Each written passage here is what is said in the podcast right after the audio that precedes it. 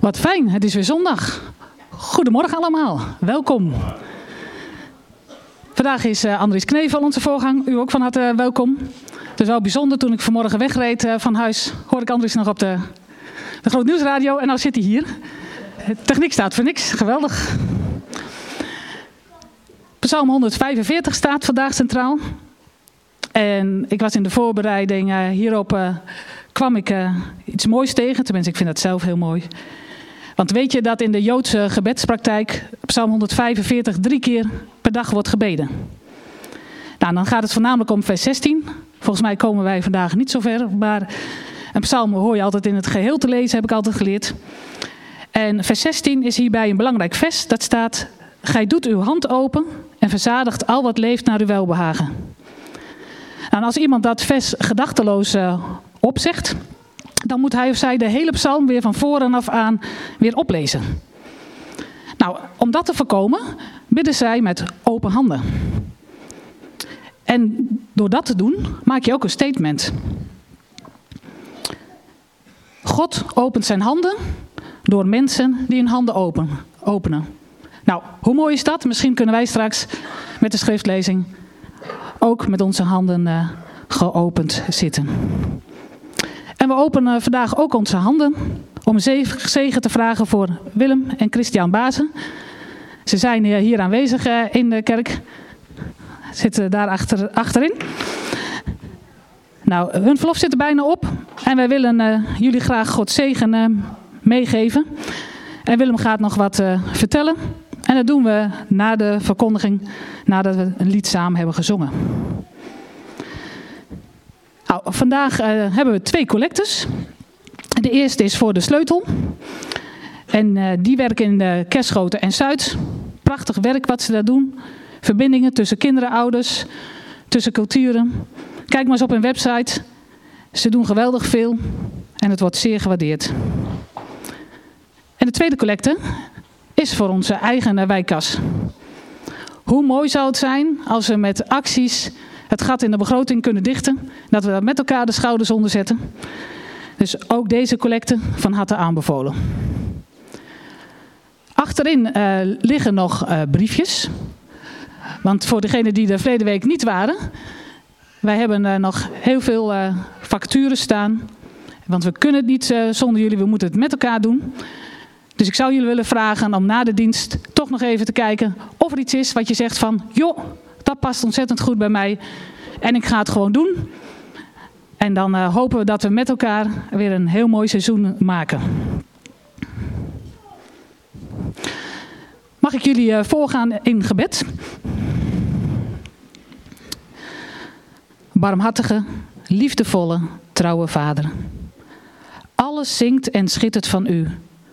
God, de bloemen, de bomen en de bergen, cirkelend rondom de bron van uw kracht. Eeuwig omgeeft u ons eeuwige eindige leven. Groot is uw liefdevolle trouw en wat is het heerlijk om in uw handen te leven. Liefde vervult zelfs ons leed en lijden. Mateloos bent u in goedheid voor ons. Niemand valt buiten uw hart. Overal zijn wij omvangen door u. Want u bent het begin en einde van alles. U bent voor en achter, boven en onder. Waar we ook kijken, nergens ontbreekt u. U bent zo goed voor ons. Zegen allen die een taak hebben in deze dienst. Wilt u anderen helpen om woorden van u te spreken? En dat alles tot eer mag zijn van uw naam. Dit vragen wij u met geopende handen. Amen. Gezegende dienst.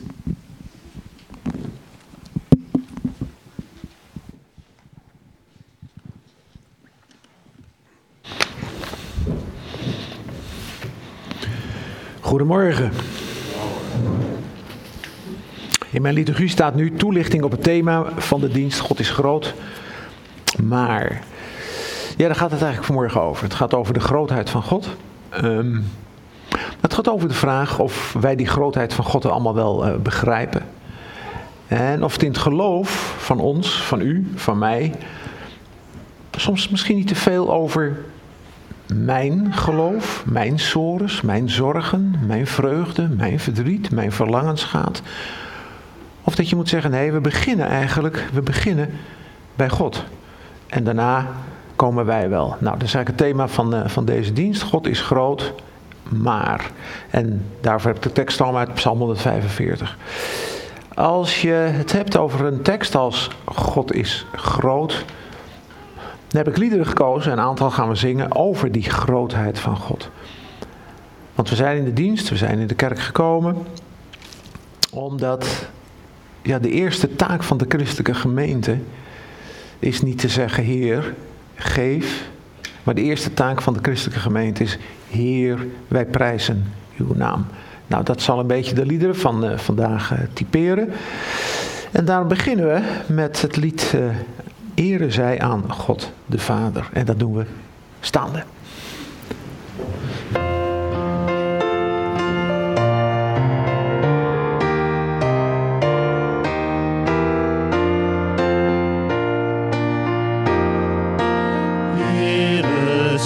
Blijf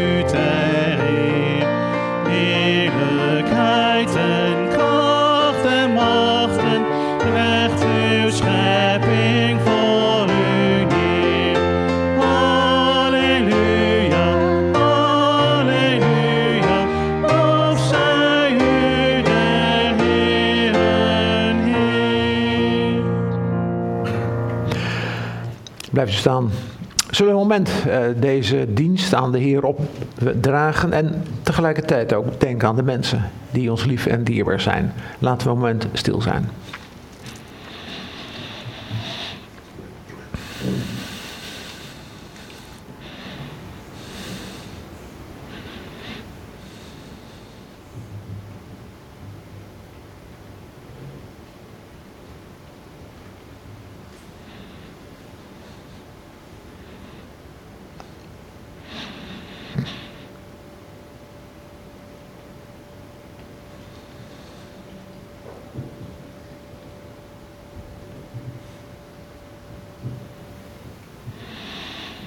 Amen.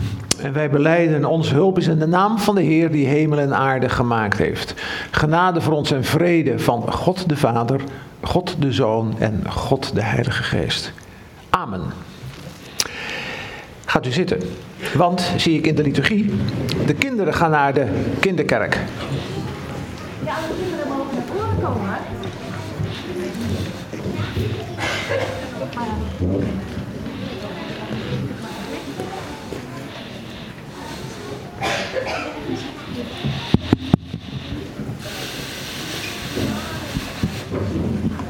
Zoek maar een plekje op de grond en er zijn nog heel wat stoelen vrij. Kom er gezellig bij.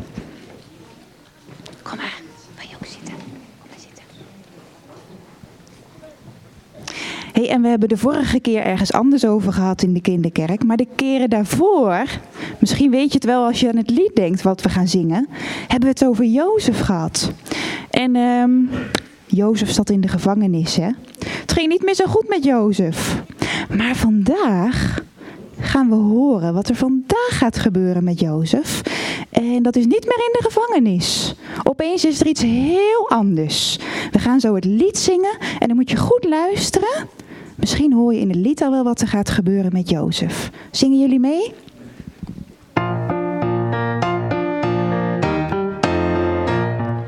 Jozef, Jozef, Jozef, Jozef, Jozef had een jas. Een jas, een jas, een wonderlijke jas. Een jas met honderd kleuren. Wat kon er nog gebeuren met Jozef? Jozef, Jozef, Jozef, Jozef, Jozef had een droom. Een droom, een droom, een wonderlijke droom. Van elf koorschoven, die allemaal voor hem bogen. Een jas met honderd kleuren, wat kon er nog gebeuren met Jozef? Jozef, Jozef, Jozef, Jozef, Jozef had een droom. Alweer, alweer, hij droomde deze keer van zon en maan en sterren. Die allemaal voor hem bogen. Een jas met honderd kleuren, wat kon er nog gebeuren met Jozef? Jozef, Jozef, Jozef, Jozef, Jozef in de put. De put? de put, Een hele diepe put, waaruit kamelenhoeders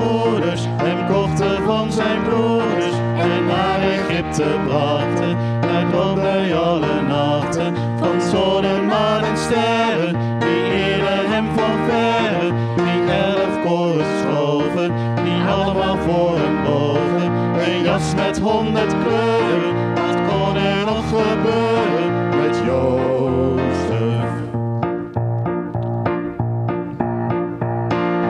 Jozef, Jozef, Jozef, Jozef, kreeg een troon. Een troon? Een troon, en zelfs een gouden kroon. Die kreeg hij als beloning. Hij werd de onderkoning. En al zijn broeders kwamen eerbiedig bij hem samen. De zon en maan en sterren, die eerder hem van verre. Die elf koren schoven, die allemaal voor hem bogen. Een jas met honderd kleuren, wat kon er nog gebeuren Jozef, Jozef, Jozef, Jozef, Jozef had een jas.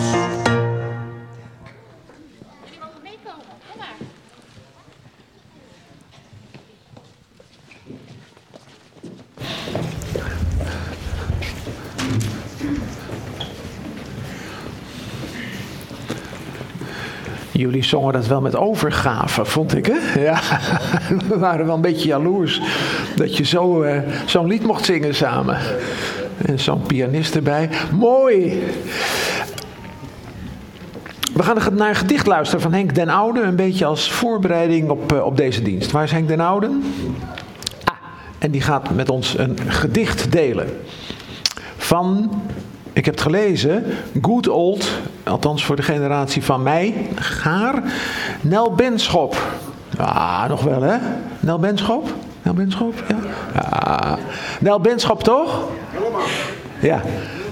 Nel Benschop.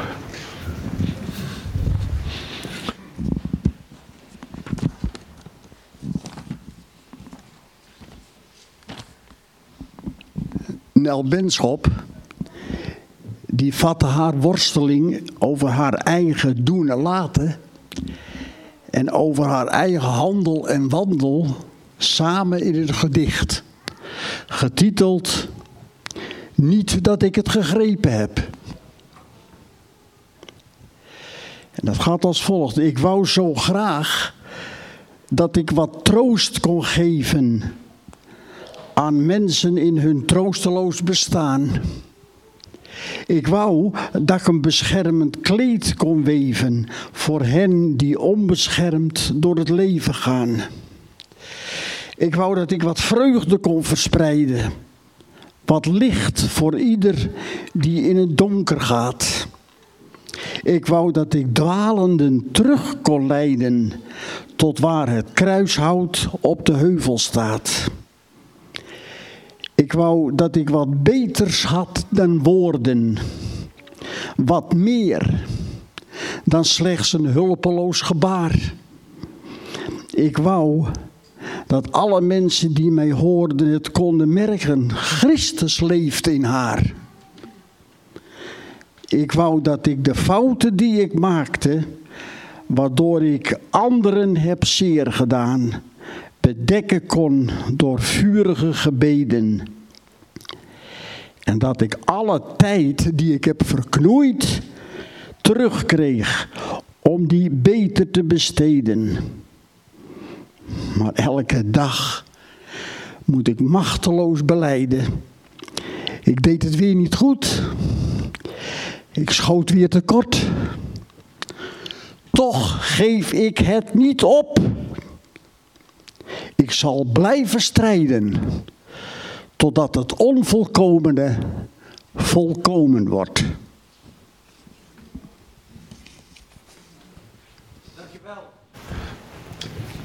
Herkenbaar gedicht, denk ik, voor velen van ons. Het was een beetje de inleiding op de verootmoediging, zoals dat uh, staat in uh, deze liturgie. En we gaan ons uh, verootmoedigen. Dat deden we vroeger, um, zo ben ik opgevoed en misschien velen van u wel, met het lezen van de tien geboden. De tien woorden van God. Je kan het ook op een andere manier doen. Je kan ook als het ware de samenvatting zoeken die in het Nieuwe Testament heel vaak over die tien woorden van verootmoediging en van falen waar dit gedicht over sprak, uh, geuit worden. Ik heb gekozen voor een gedeelte uit Romeinen 13, een paar vers uit Romeinen 13. En daarna zingen we dat hele oude gezang uit het uh, liedboek, God enkel licht. En dat is ook een lied van, van verootmoediging. God enkel licht, voor wiens gezicht niets zuiver wordt bevonden. Paulus in Romeinen 13 citeert uh, de tien geboden, maar doet dat op een hele korte wijze. Luister maar. Daar staat: Wees elkaar niet schuldig behalve liefde. Want wie de ander lief heeft, die heeft de hele wet vervuld.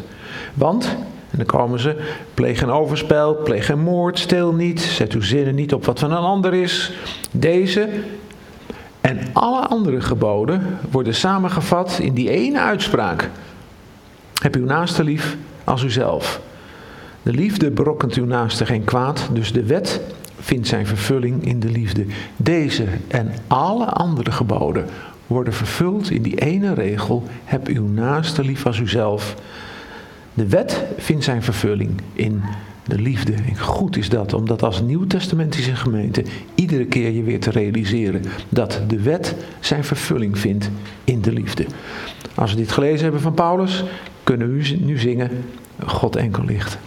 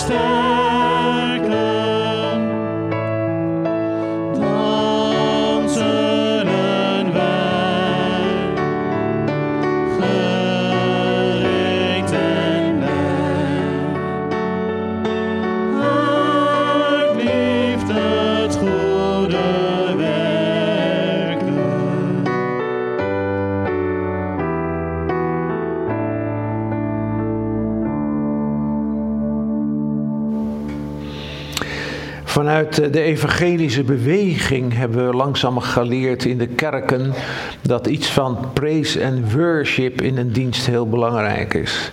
Praise en worship. We prijzen de Heer en wij aanbidden Hem. En daar waar vroeger in diensten altijd psalmen en gezangen een beetje als, soms als een soort intermezzo werden gebruikt, is het heel goed om je heel goed te concentreren, een paar liederen op God. Nou, dat gaan we nu ook doen in een uh, drie liederen die we gaan, uh, gaan zingen. Um, samen in de naam van Jezus, de bekende. Grote God, wij loven u. Dat hoort bij het thema van de preek van, uh, van deze ochtend. En ook uit een uh, psalm, maar ook uit een bundel, Prijs de Heer met blijde galmen. Dat zal wel in de nieuwe melodie zijn en niet in die oude melodie. Dat zijn dus liederen waarin we als het ware aansluiten op het thema van, uh, van de dienst van vandaag. Dat we de Heer mogen groot maken om wie Hij is. We gaan dus even op zeggen evangelisch. We gaan prezen en worship. Doen jullie dat staande of doen jullie... Dat doen jullie staande. Nou, dat gaan we met z'n allen prezen en worshipen. Staande.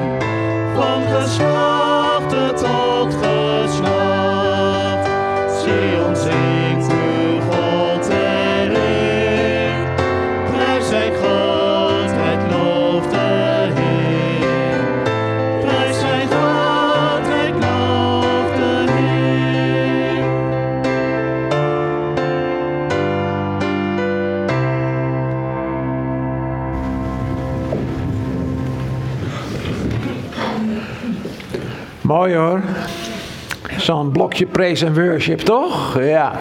We kunnen nog wat van die evangelische leren wat dat betreft. Heel mooi. We gaan bidden. We gaan bidden om het werk van de geest. In nu de gemeente. Want heren, zonder u kunnen we niet. We gaan de schriften openen. We gaan nadenken over u en over uw woord. En ja, dan voelen we ons klein. En misschien wel onzeker.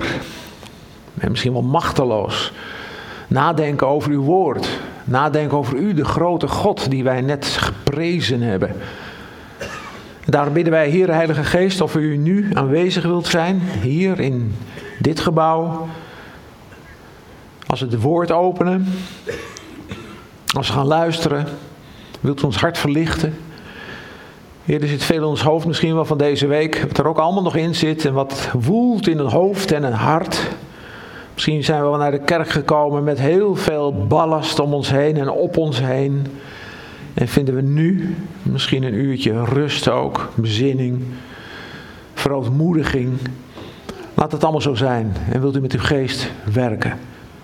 Want we beleiden dat we die, Heere Heilige Geest, u zo heel hard nodig hebben. Amen. We gaan Psalm 145 lezen, vers 1 tot en met 9. Want dat was al meer dan genoeg. En bij vers 16 ben ik helemaal niet uitgekomen. Nee. En ehm er komt er lekker aan.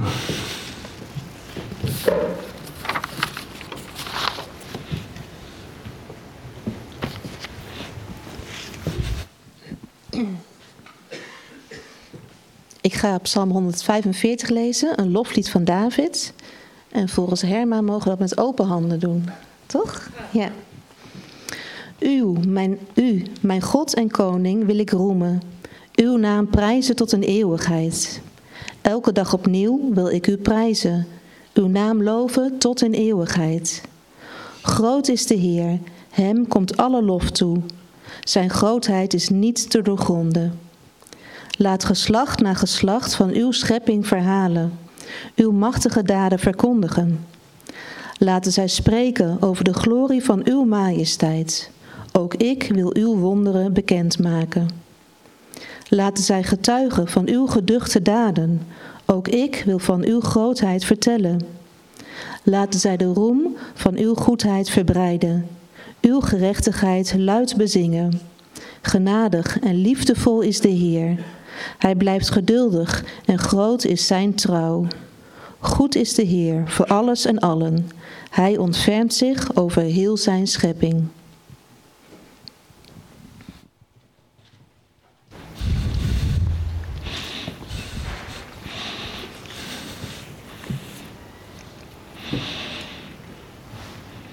Jullie staan er nog.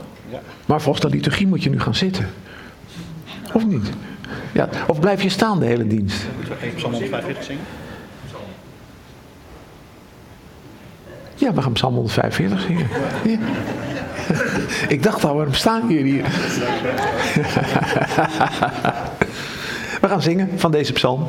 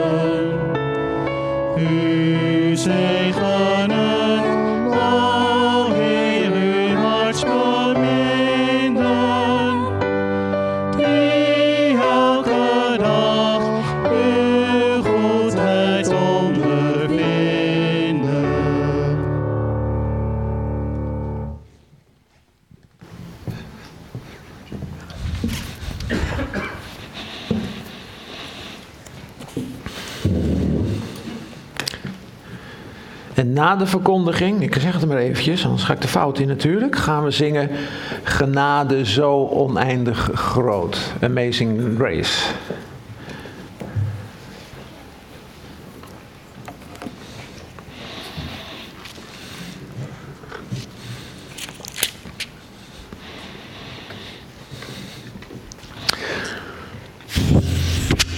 Uh, vlak voor de zomer is er een uh, boek uitgekomen van een van uw bekendste, ofwel de bekendste hoogleraar uit uh, uw kerk. Althans, als ik u mag aanspreken als PKN. Ja, hè? Toch een beetje? Ja, PKN. Nou ja, goed.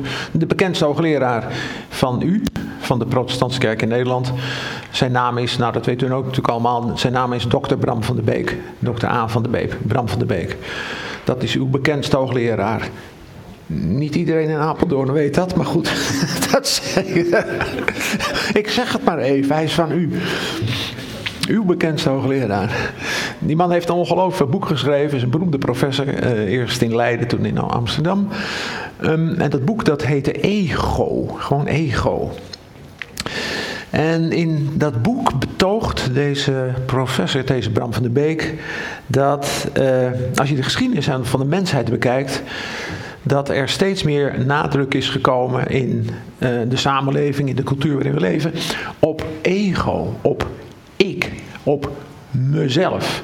Daar waar vroegere uh, samenlevingen nog samenlevingen waren, heb ik het over de tijd van het Oude Testament, Nieuwe Testament en de middeleeuwen, tot de Reformatie ongeveer, zie je dat na de Reformatie, na de verlichting, een periode, filosofische periode in Nederland, dat um, daar veel meer nadruk is gekomen op mij, op mijzelf, op ik. En je ziet dan ook dat tegenwoordig hè, wordt, wordt vaak gesproken over ik en mezelf. En what's, what's in it for me? En dat geldt dan voor alles. What's in it for me? Dat individualisme, u herkent het wel bij uzelf. En anders herkent u het bij, misschien wel bij uw kinderen of bij uw kleinkinderen. Dat individualisme, dat heeft uh, ons allemaal in de greep. En niet alleen mijn kinderen en mijn kleinkinderen natuurlijk, maar mij ook. Ik ben onderdeel van de lucht die ik inadem. Ik ben onderdeel van de tijdgeest. Ik ben onderdeel van deze wereld waarin ik leef. En ik ben daar niet immuun voor. Ik heb niet een soort tevalpak aan, waardoor ik immuun ben voor alle invloeden die vanuit de cultuur op mij afkomen.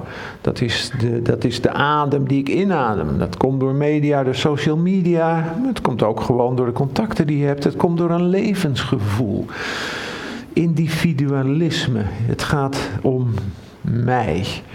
Het ego. En soms is dat misschien helemaal niet verkeerd, zegt hij ook, maar, maar toch, dat is de geschiedenis van de mens, is de geschiedenis naar de ontwikkeling van mijn allerindividueelste individu, ik. En daarom zie je dat gemeenschappen in onze samenleving veel minder belangrijk zijn. Belangrijke taak voor de kerk overigens, maar dat begrijpt u. Nou, dat, dat schrijft hij zo in dat boek, dat boek Ego. Ik kan het, ik kan het aanbevelen. Maar dan zegt hij, het is wel leuk om dat allemaal te beschrijven natuurlijk. Maar dat heeft ook invloed op de kerken. En dat heeft invloed op u. En dat heeft invloed op mij als gelovige. Want hij zegt, ook de kerken, ook de gelovigen, ook u, ook ik, zijn niet immuun natuurlijk in ons geloofsleven voor dat, dat gevoelen wat er in de samenleving is, what's in it for me? Of ik en mezelf, om maar twee van die bekende en beroemde uitspraken natuurlijk te citeren. Hij zegt nee, dat zit ook in het geloof. Dat is ingeslopen in de kerken. Dat is ingeslopen misschien wel in uw geloofsleven. Dat is ingeslopen in ons denken, ons voelen, ons handelen. En hij ziet dat als een gevaar. Hij ziet dat als een gevaar voor de kerk en voor de gelovigen. Hij ziet dat als een gevaar omdat het dan in het geloof vooral gaat om wat heb ik eraan? Wat heb ik eraan? Je merkt ook in gesprekken van, met uh, uh, niet-gelovige missionaire gesprekken, dat die vraag natuurlijk vraag als eerste komt. Wat heb ik er eigenlijk aan, aan de geloof? Als je mij iets vertelt over de geloof, Wat heb ik eraan? Ik moest vorige week voor studenten spreken in Leiden. En toen zei ik, er zijn vier grote ruiters die op dit moment door de kerken denderen. Even moeilijke woorden, maar ik pak er wel eentje uit. Transcendentieverlies, referentieverlies, relevantieverlies en eschatologieverlies. Vergeet ze allemaal, maar eentje van hen is relevantieverlies. En dat is, waar, waarom gelooft u eigenlijk? Waarom gelooft u nou eigenlijk? Of als ik het wat platter formuleer, wat doet u eigenlijk hier? En ik. Wat doet u hier? Waarom geloven we? En dat vroeg ik ook aan die studenten in Leiden. Waarom geloven jullie eigenlijk? Wat is het? Is dat geloof relevant voor jullie? Ehm, is dat geloof. Nou, zeg het maar. Dat, dat is natuurlijk een lastige vraag om te verwoorden. Waarom geloof ik eigenlijk? En als je die, dat antwoord opbouwt vanuit jezelf, vanuit je individu, vanuit je boek van Van de Beek, vanuit je ego, dan kom je er haast niet. Dan gaat ergens zo'n antwoord schuiven en schuren. Daarom is er in de 19e eeuw, de vorige eeuw, is er natuurlijk correctie gekomen op dit denken. Ik noem de naam, nou die naam die kent u wel natuurlijk van Karl Barth. En ik noem de andere naam van uh, die andere grootheid uit de 20e eeuw. Dat is Dietrich Bonhoeffer. Dat waren theologen die wilden dat denken van onderop, van wat is in niet voor mij? Wat heb ik eraan? Is het relevant voor mij? Wilden ze corrigeren.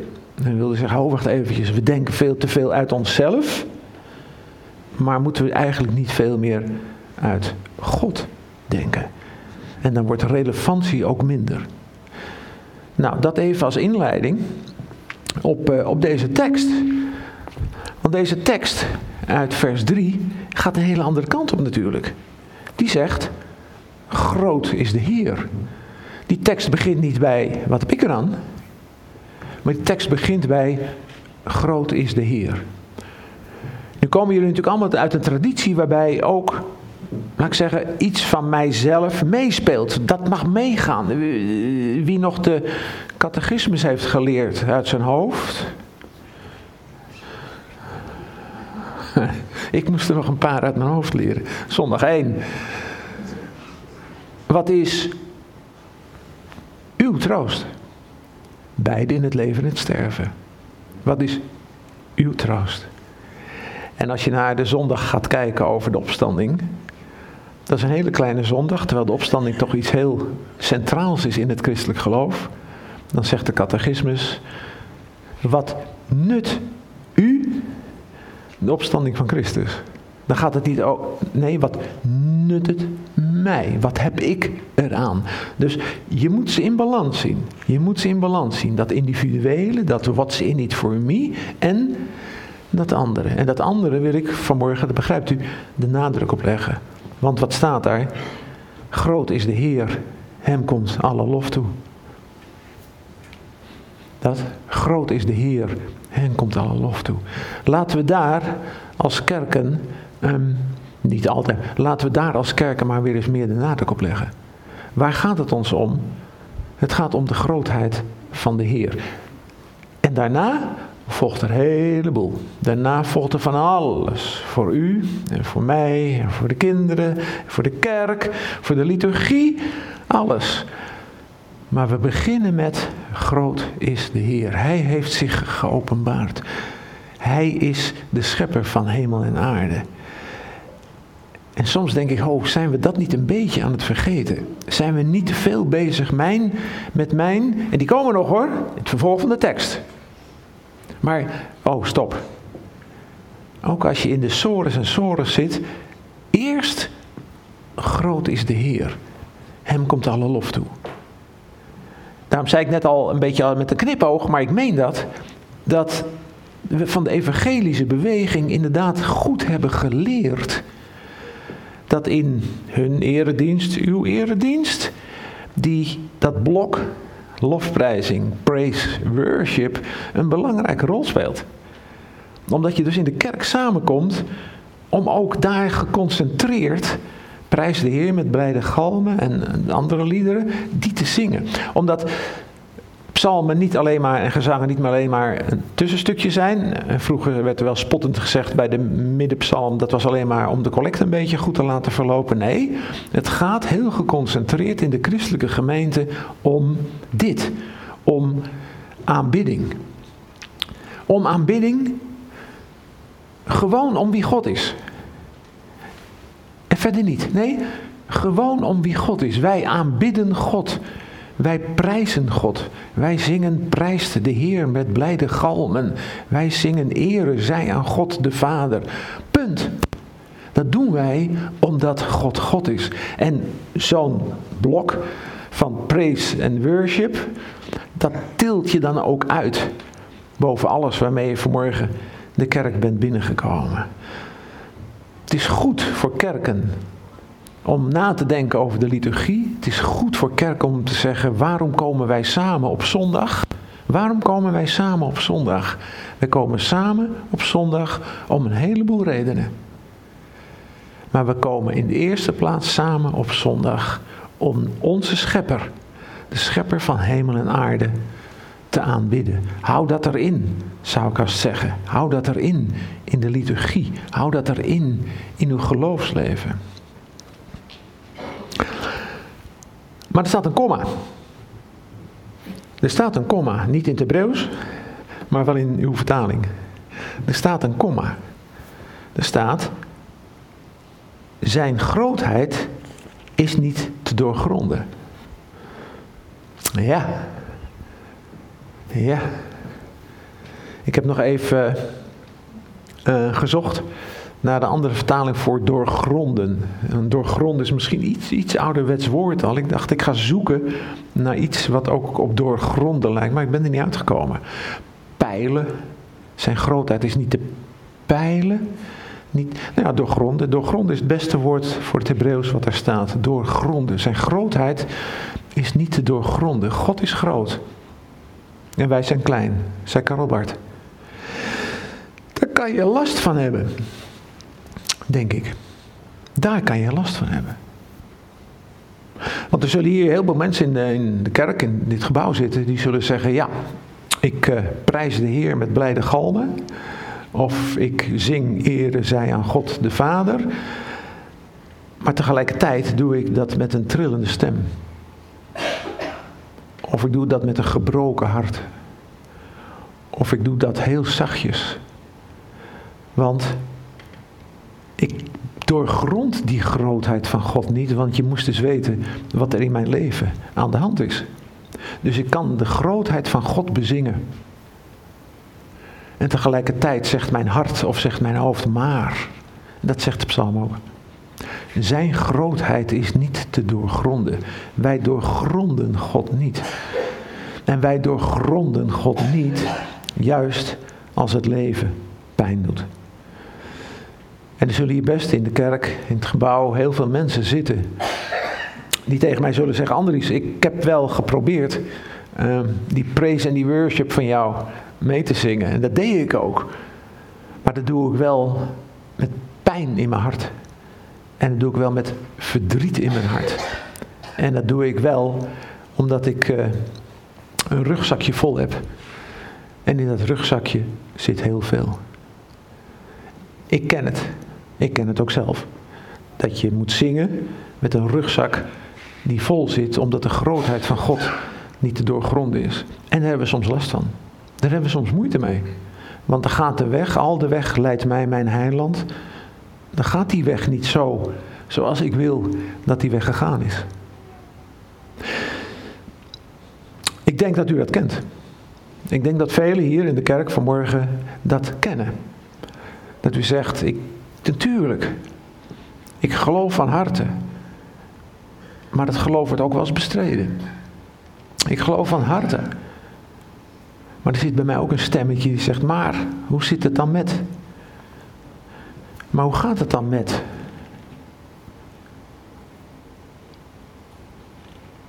En je, hoe ga je daarmee om? Hoe ga je er nou mee om als je hart of je hoofd tegen jou zeggen: Ja, ik zie die grootheid van God wel. Maar er zit zoveel pijn. En er zit zoveel verdriet in mijn hart. En God is ondoorgrondelijk. Hij lost niet al mijn problemen. Ah, daar heb je hem. Hij lost niet instant al mijn problemen op. Wat in onze cultuur natuurlijk iets is waar we allemaal, ja, als het ware door doordrenkt worden. Als ik, het is voor 12 uur nog, hè? Ja. Als ik voor 12 uur nu ergens iets bestel, dan heb ik het vanavond in huis. Of als ik na 12 iets bestel bij Coolblue, dan heb ik morgenochtend heb ik het in huis. Maar het is zo erg dat als ik nu voor 12 uur ergens via een appje iets ga bestellen, dat ik het eh, vanavond ding dong, dat de bel gaat en ik het vanavond in huis heb. Dat beïnvloedt mij. Dat beïnvloedt u. Want zo is God niet. Zo is God niet. Dat weet je wel. Natuurlijk weet je dat wel. Maar soms in je hoofd en in je hart doet dat pijn. En heb je daar last van.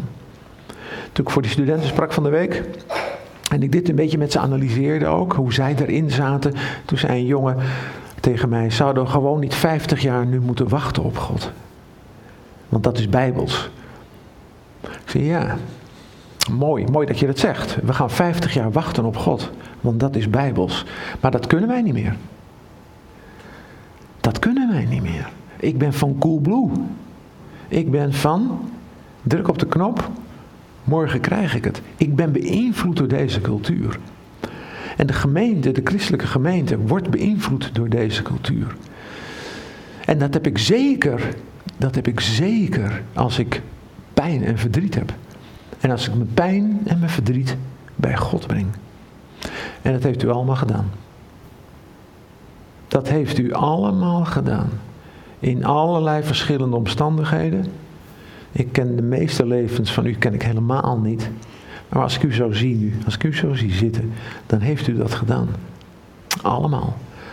Dan brengt u uw sores en uw zorgen brengt u bij God. Maar dan weet u ook, en daar kunt u best mee dealen, of misschien toch niet meer in deze tijd. Of toch misschien niet in deze tijd. Ik heb een paar jaar geleden een uitzending gemaakt met mensen die uh, tot geloof waren gekomen. Prachtig, een boek over verschenen, niets is onmogelijk. Mensen die vanuit de wereld, vanuit de cultuur tot geloof waren gekomen. Er was een mooi gezin bij. Uh, jonge vrouw, jonge man, twee kinderen.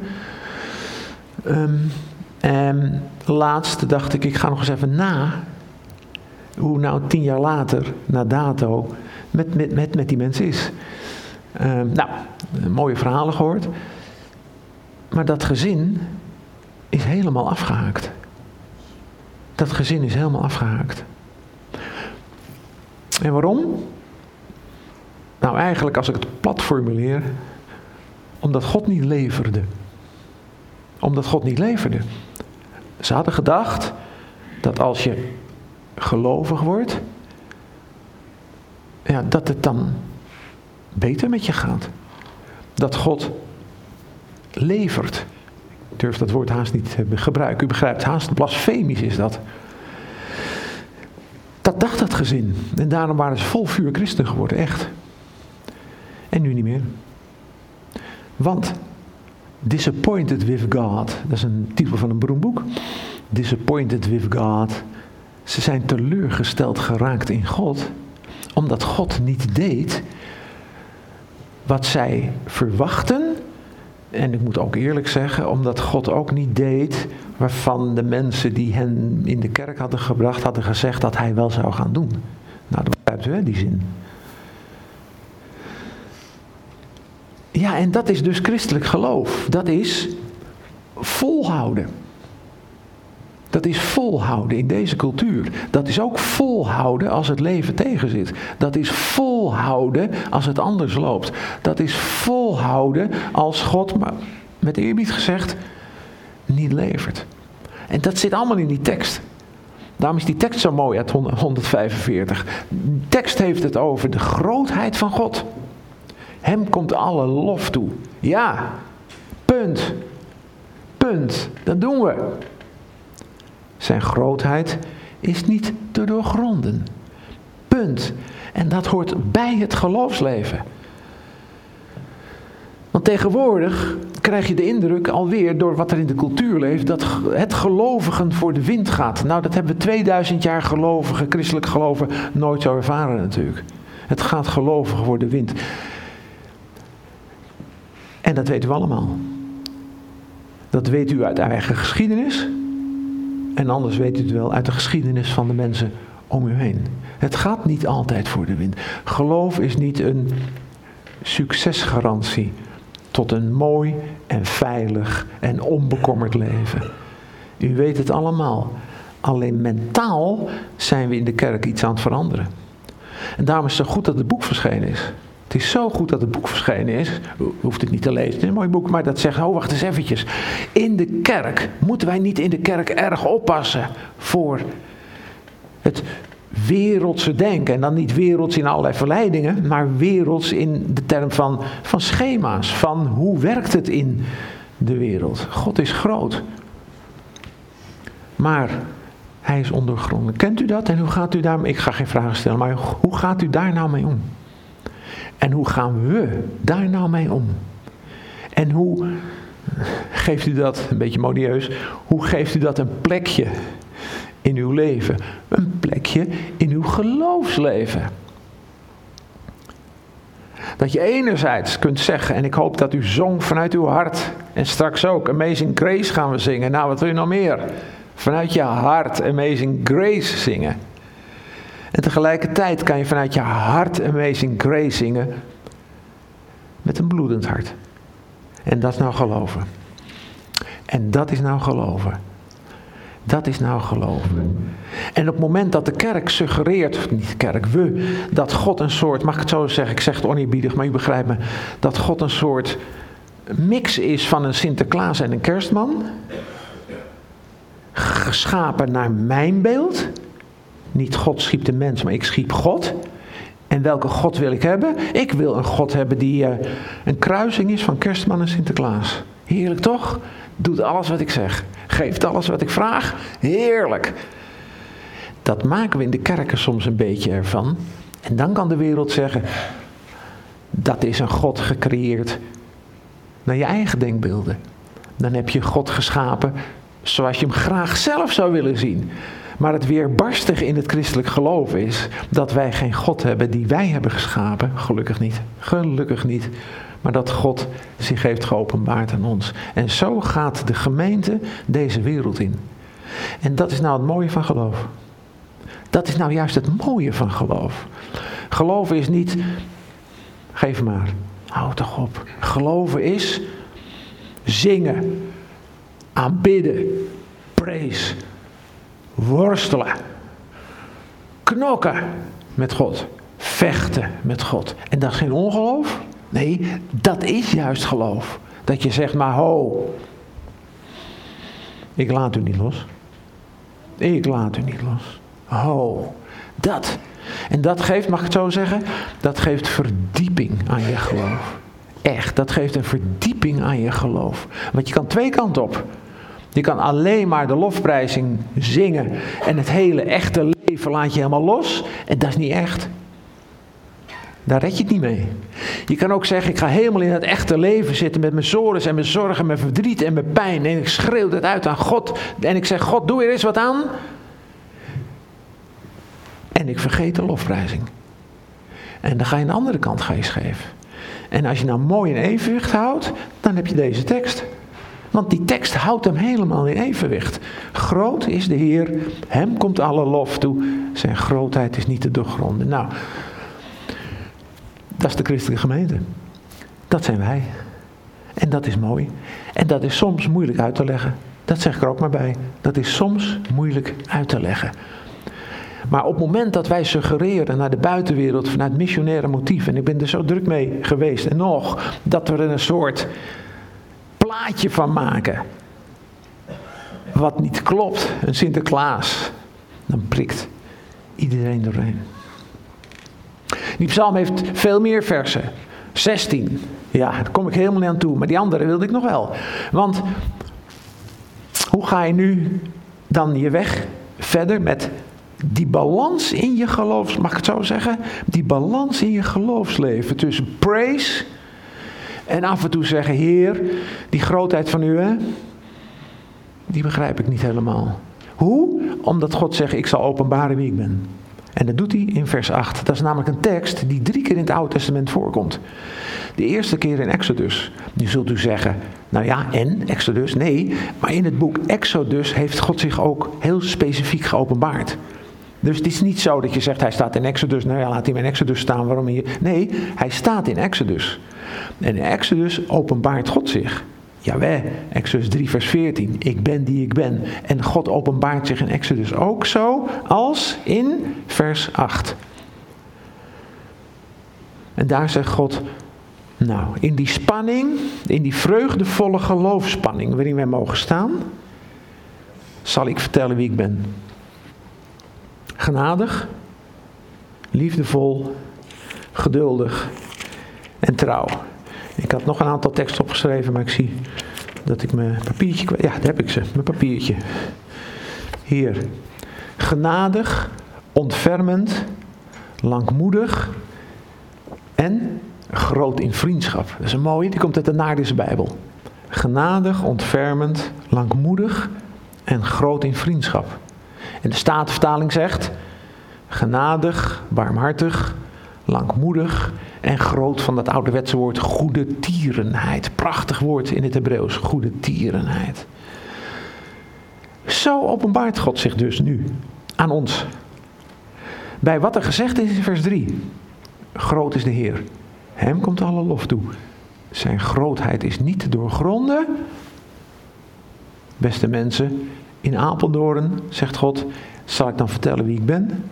Als je in deze, ja,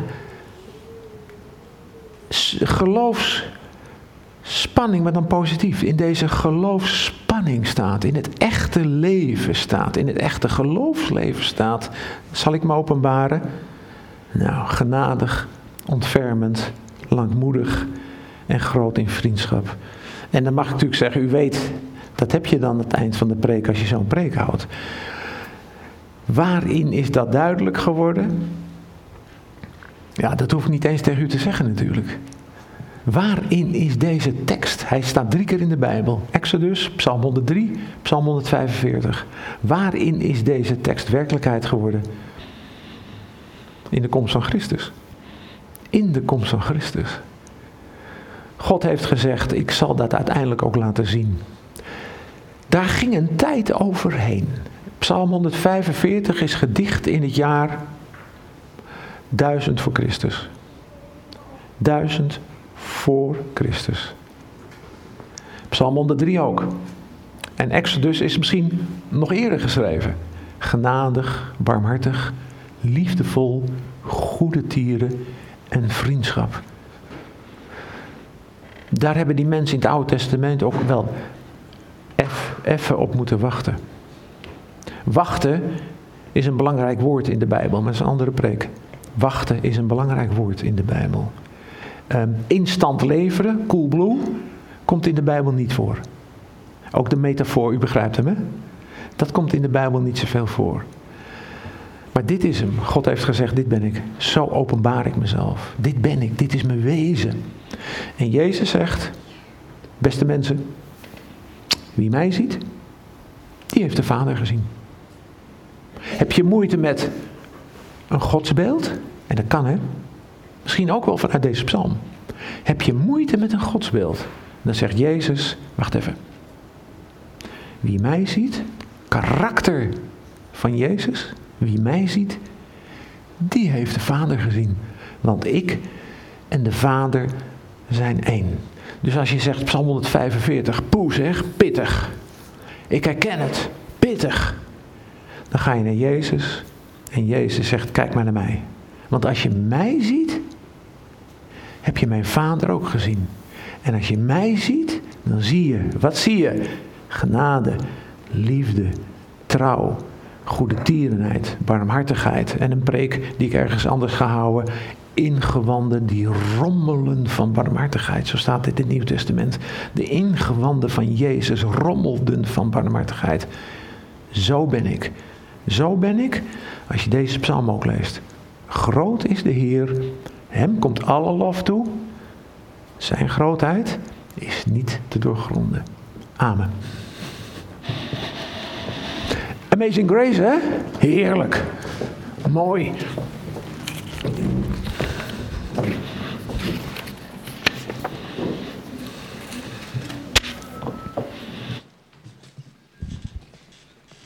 Ook staande? Ja, vind ik wel. Ja.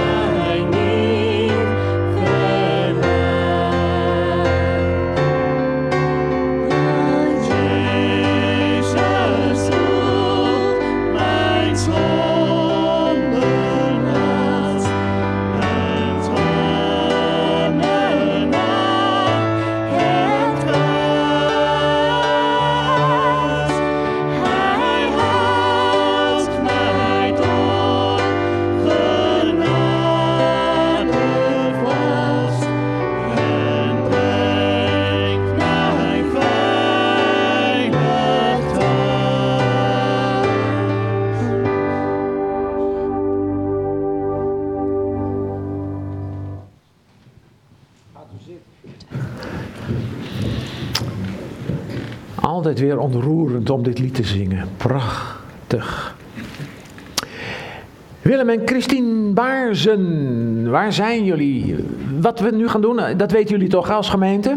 Willem en Christine Baarzen worden door jullie gesteund. Die werken in Mali voor Wycliffe, Bijbelvertalers. En die gaan weer terug naar eh, Mali. En het leek de kerk, de gemeente, goed om jullie een soort uitgeleide te doen. En om jullie, je bent ook getrouwd hè, met een vrouw, toch? Maar die komt Ja, niet. Christine, ja, ik sta een beetje te eh, praten daar. ah, Oh. Dit is Christine. Hi. Ja. Ik heb je man al een hand gegeven, maar jou nog niet. Hi. Hallo. En jullie komen eh, even een kort verhaal doen over wat jullie in Mali doen. Weten jullie het allemaal of niet? Oh, nou, nu vertelt het aan mij. Gewoon wat jullie in Mali doen. En dan ga ik jullie, mag ik jullie een zegen meegeven namens de gemeente. En dan gaan we jullie ook nog eh, toezingen. En je hebt een kleintje bij je, want dat wordt volgende week gedoopt. Ja. Maar niet hier. Nee, in een echte christelijke kerk. In? In? Op Urk. Ja, waar kan je nou beter gedoopt worden dan op Urk, toch? Ja, dat maakt het goed uit. Ja.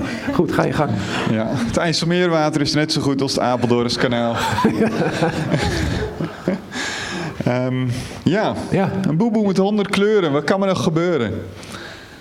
Ik ehm, mag hier iets vertellen over wat we doen, maar dat weten jullie prima. Dus eh, wat ik heb gekozen is eh, ehm, een verhaal van een collega van me. En daarom ben ik niet als Willem hier gekomen, maar als Adema. Adema Dembele. En ik mag zijn verhaal vanavond, eh, van, vanochtend vertellen. En ehm, ja, ik kan nog wel even zeggen, met, met ons gaat het ondertussen heel goed. Kleine, kleine groeit uitstekend. En 1 oktober mogen we weer terug. En daar, ehm, daar kijken we naar uit en tegenop. Want we laten hier wel wat achter. We mogen daar weer dingen ontvangen, hopelijk. Ehm, ja, waarom, waarom zijn we betrokken bij dit Bijbelvertaalwerk. Nou, toen ik het verhaal van Adama hoorde, eh, ondertussen al een jaar terug in Mali, toen dacht ik van ja, dat wil ik doorgeven. En dat mocht ik doorgeven. En we komen Adama tegen op een van de diepste momenten in zijn leven. Tovenaar in die voorkust keek me aan. En gooide de kou die schelpen. En keek naar mijn lot. De dood, Adema.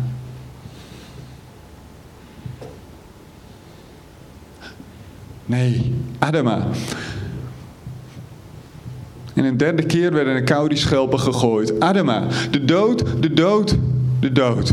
Voor jou is er geen medicijn. Ik zie geen toekomst voor jou. Ik kan een offer voor je brengen. Breng me, breng me een bot van iemand die bij een ongeluk is omgekomen. Een chameleon. En ik hoor dit niet meer. Waar, waarom? Wat, wat voor nut heeft een offer nog als er voor mij geen toekomst is? De tovenaar keek me aan. Wraak, Adama, wraak. Degenen die je dit hebben aangedaan, gaan met je ten onder.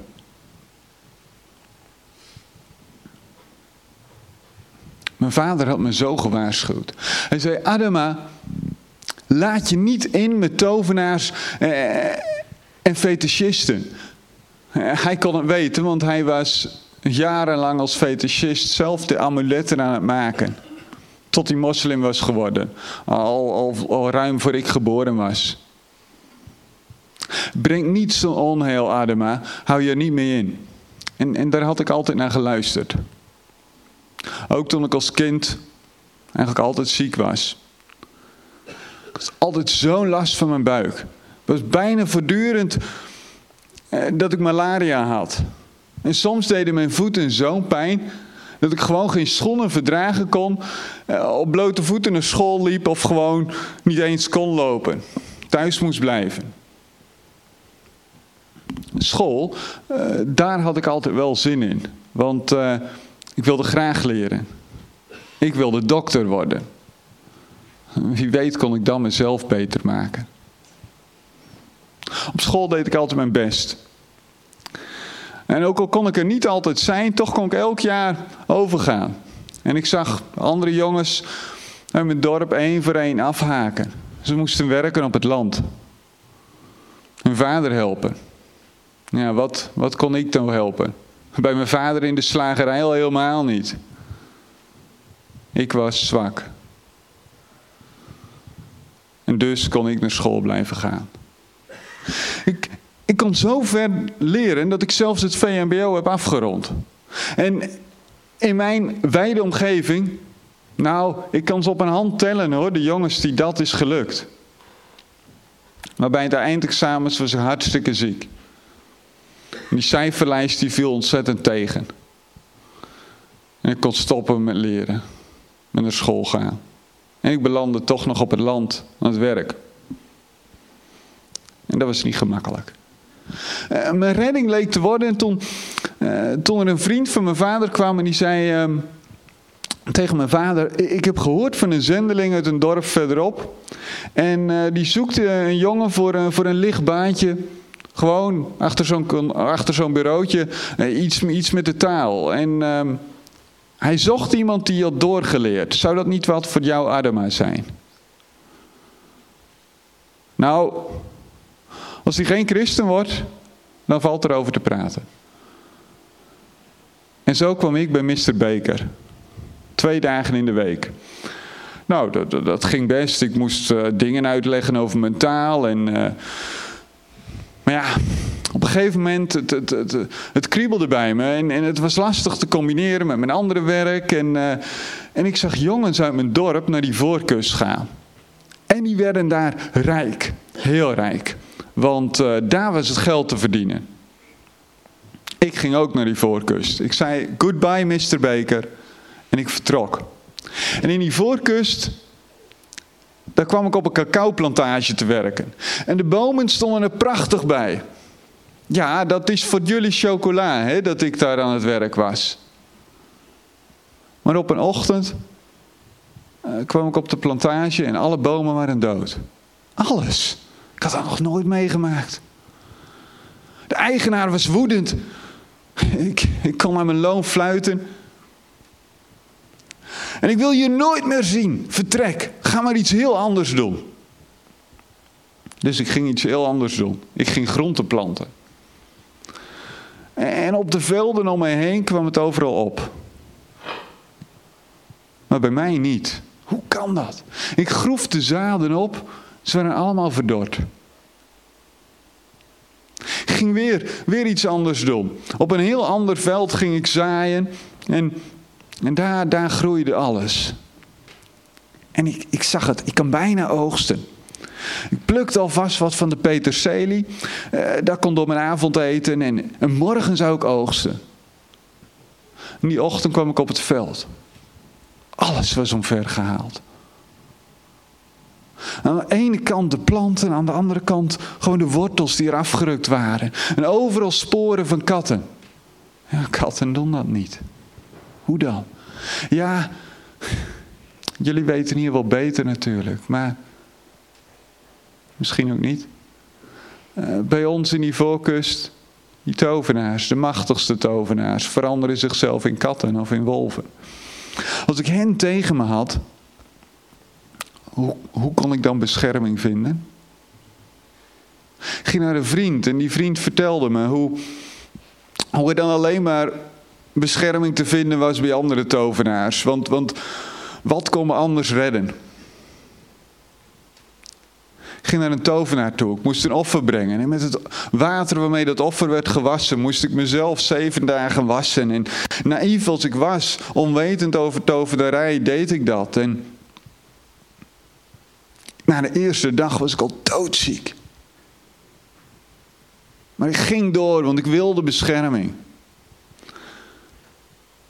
En op de zevende dag werd ik treiterend begroet door iemand die zong eh, over een tovenaar, die iemand in zijn greep had gekregen, waar de bezwering volbracht was.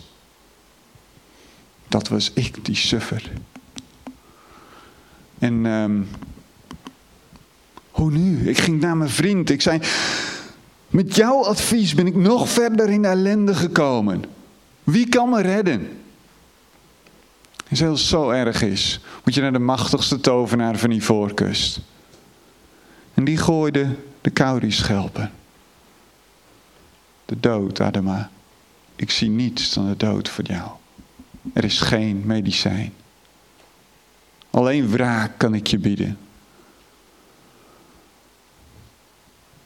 En wat heb ik eraan, zei ik tegen een andere vriend van me, als de, als de rest met me ten onder gaat. Het hele verhaal kwam eruit en, en hij keek me heel anders aan. Hij zei, is dit alles, Adama? Is dit alles, zei ik. Is het niet genoeg? Mijn leven is voorbij. Ik weet niet wat er gaat gebeuren, maar het einde is er. Adema, ik ken er eentje die sterker is dan de machtigste tovenaar. Wil jij vanavond met me mee naar een ouderling van mijn kerk? Christenen.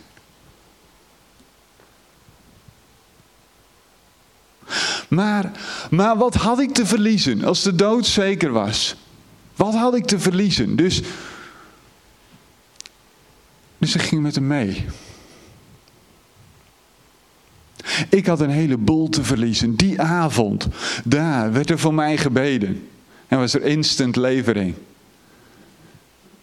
God nam mijn ziekte weg. God nam mijn zonde weg.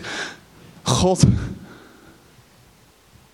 nam mijn demonische belastheid weg. Die avond veranderde mijn hele leven. En ik zei, als Jezus deze geneesheer is, wil ik Hem dienen. Daarmee was er niet alleen maar voorspoed. Ik kwam thuis en mijn tweede vrouw, ja, ik, had er twee. Mijn tweede vrouw ging gelijk bij me weg. Met christenen wilden ze niets te maken hebben. Ik zocht erop. Uiteindelijk wilden ze met me mee terug, terug naar Mali. Maar ik moest wel eerst het nodige geld verdienen voor die reis terug. En ik zaaide weer. En ik had een oogst die zo rijk was, dat ik er prima de reis terug mee kon betalen. En, en, kon beginnen in mijn dorp waar ik was geboren. Maar ik kwam daaraan. En mijn familie was woedend. Adema, je bent een schande voor ons. En avond aan avond praten ze op me in. En, en, en ik verloochende Jezus. Maar dat deed zoveel pijn. Dat deed zoveel verdriet. Ik vluchtte uit mijn dorp weg. Ging naar een dorp verderop. Waar een voorganger was. En ik vertelde hem wat ik had gedaan. Ik beleed mijn zonde. En, ik zei dat ik Jezus wilde blijven volgen. En liefst wilde ik daar blijven. Weg van alle problemen. Weg van, van, van mijn familie ook. Maar Jezus beleiden betekent ook naar Jezus luisteren. En hij verscheen me die nacht in een droom. Adema, als ik jou uit de hand van de machtigste tovenaar zou kunnen redden, kan ik jou dan niet uit de hand van je familie redden? Heer, ik wil doen wat u, wat u van me vraagt, ook al zal ik sterven. Adema, ga terug naar je dorp. In mijn dorp was er nog maar eentje die me accepteerde. Weet je nog? Mr. Baker. En dus ging ik bij Mr. Baker aan de slag. En weet je, daar mocht ik gaan vertalen. Ik vertaalde de woorden van Johannes. Nou, dat was vooral voedsel voor mijn ziel, voor mijzelf. Die woorden droegen mij door die moeilijke tijd heen. Want ondertussen was de tegenslag niet voorbij. In mijn dorp was er de nodige tegenstand. De tovenaars daar wilden me in hun greep krijgen. Ik weet nog wel dat op een nacht ik gevangen werd genomen, geboeid werd, gewonden. Ze verschrikkelijke rituelen in mijn huis uitvoerden. Totdat ik ging bidden en, en, ze weggingen. En toen klonk er die stem, Adema, wees niet bang. Ja, wees niet bang, maar. Maar er kan er nog wel heel veel gebeuren waar je bang van zou worden. Mijn, mijn tweede vrouw is een paar keer bij me weg geweest. Want ja, een christen, een christen. Ik probeer haar toch bij me te houden. Ze kwam weer bij me terug. Ze werd zwanger. Ze groeide niet. Ze werd mager. Graadmager. En het oordeel van de dokter klonk als de tovenaar die zei: De dood, voor jou is er geen medicijn. Want. Want. Want.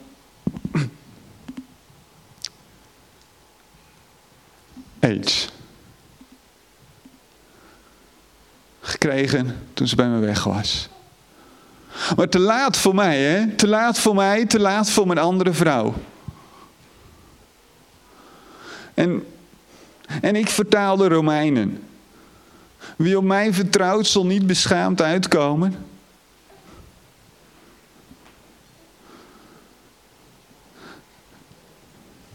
Een week ging voorbij. Twee, drie, een maand. Ik, ik durfde het. Ik, ik ging naar de dokter en, en ik was negatief. Ik mocht verder leven. Gods plan hield niet op. Mijn, vrouw, mijn tweede vrouw stierf. En nu? En nu, nu is het hele Nieuwe Testament vertaald. Weet je, ik ben toch dokter geworden. Dit medicijn, wat eerst mijzelf heeft genezen, mag er ook zijn voor mijn volk. En ik zie levens veranderen door, die, door dat medicijn, door dat woord van God, wat, wat, ja, wat mensen echt een nieuw leven mag geven. Niet alleen mij, maar ook mijn volk. En ik bid voor mijn familie dat ze ook dat medicijn mogen nemen. En ik geef het door aan jullie. Want wat het ook is, met God mag je het aangaan. Met God die zo machtig is, mag je wagen wat Hij van je vraagt. En neem dat medicijn, want je hebt het nodig. Dat is het verhaal van Adama, wat ik graag met jullie wilde delen.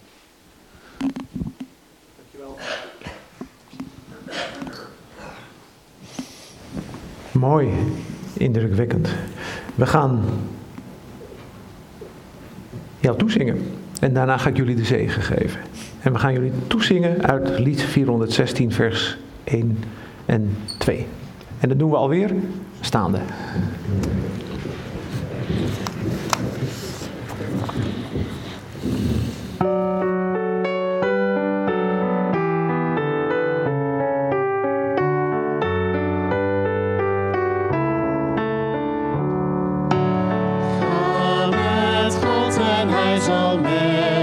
Met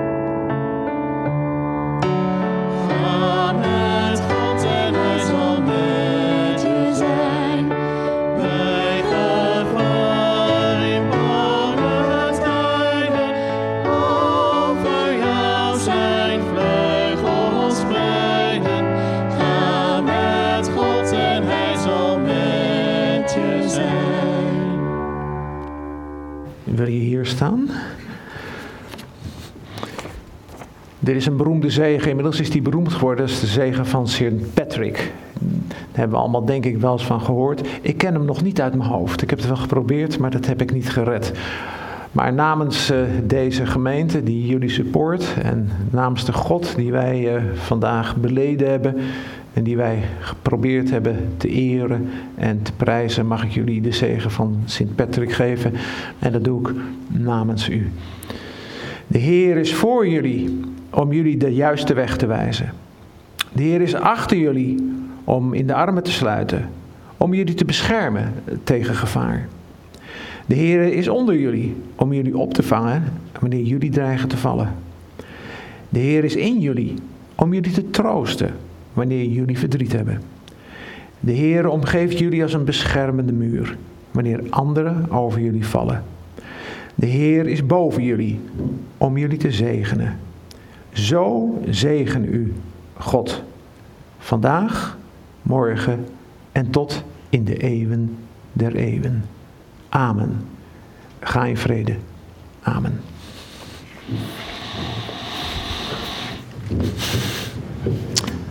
Wij gaan samen danken.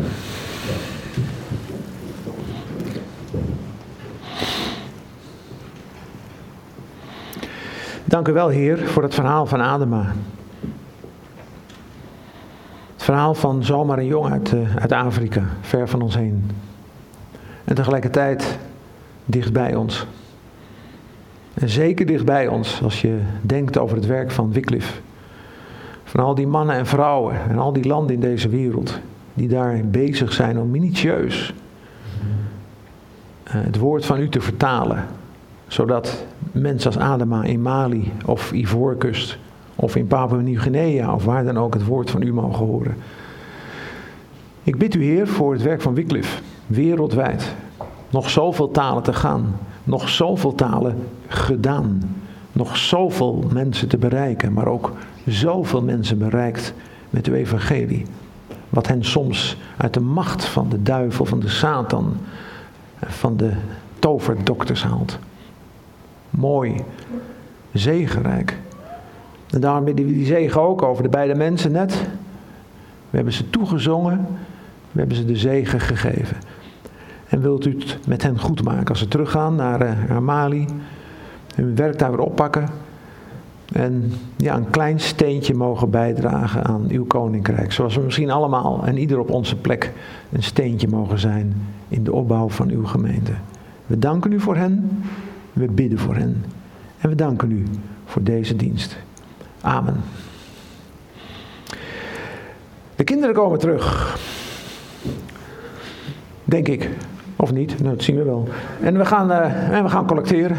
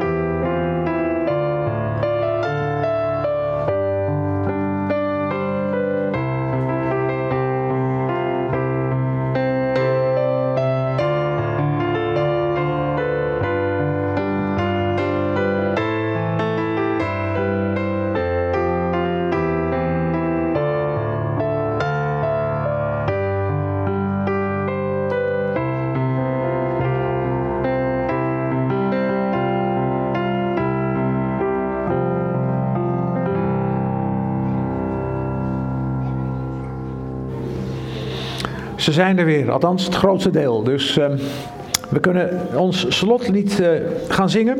Groot is uw trouw, o Heer. En een medley met ook nog een ander lied. Dus laten we ons slotlied gaan zingen.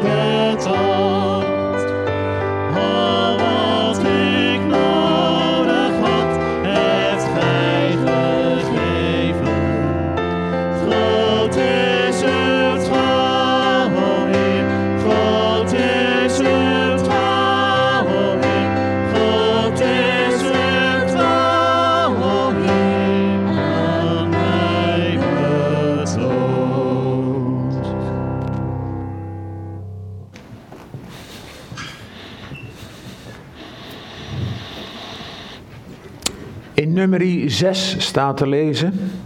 De Heer zei tegen Mozes, zeg tegen Aaron en zijn zonen dat zij de Israëlieten met deze woorden moeten zegenen.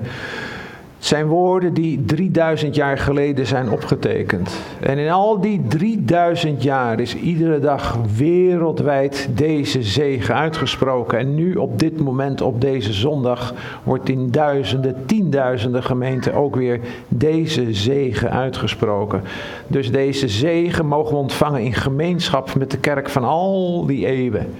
En al die tijden en nu alle plaatsen en in gemeenschap met het volk van Israël. Mogen de Heer u zegenen, u beschermen. Mogen de Heer het licht van zijn gelaat over u doen schijnen en u genadig zijn. Mogen de Heer u zijn gelaat toewenden en u vrede geven.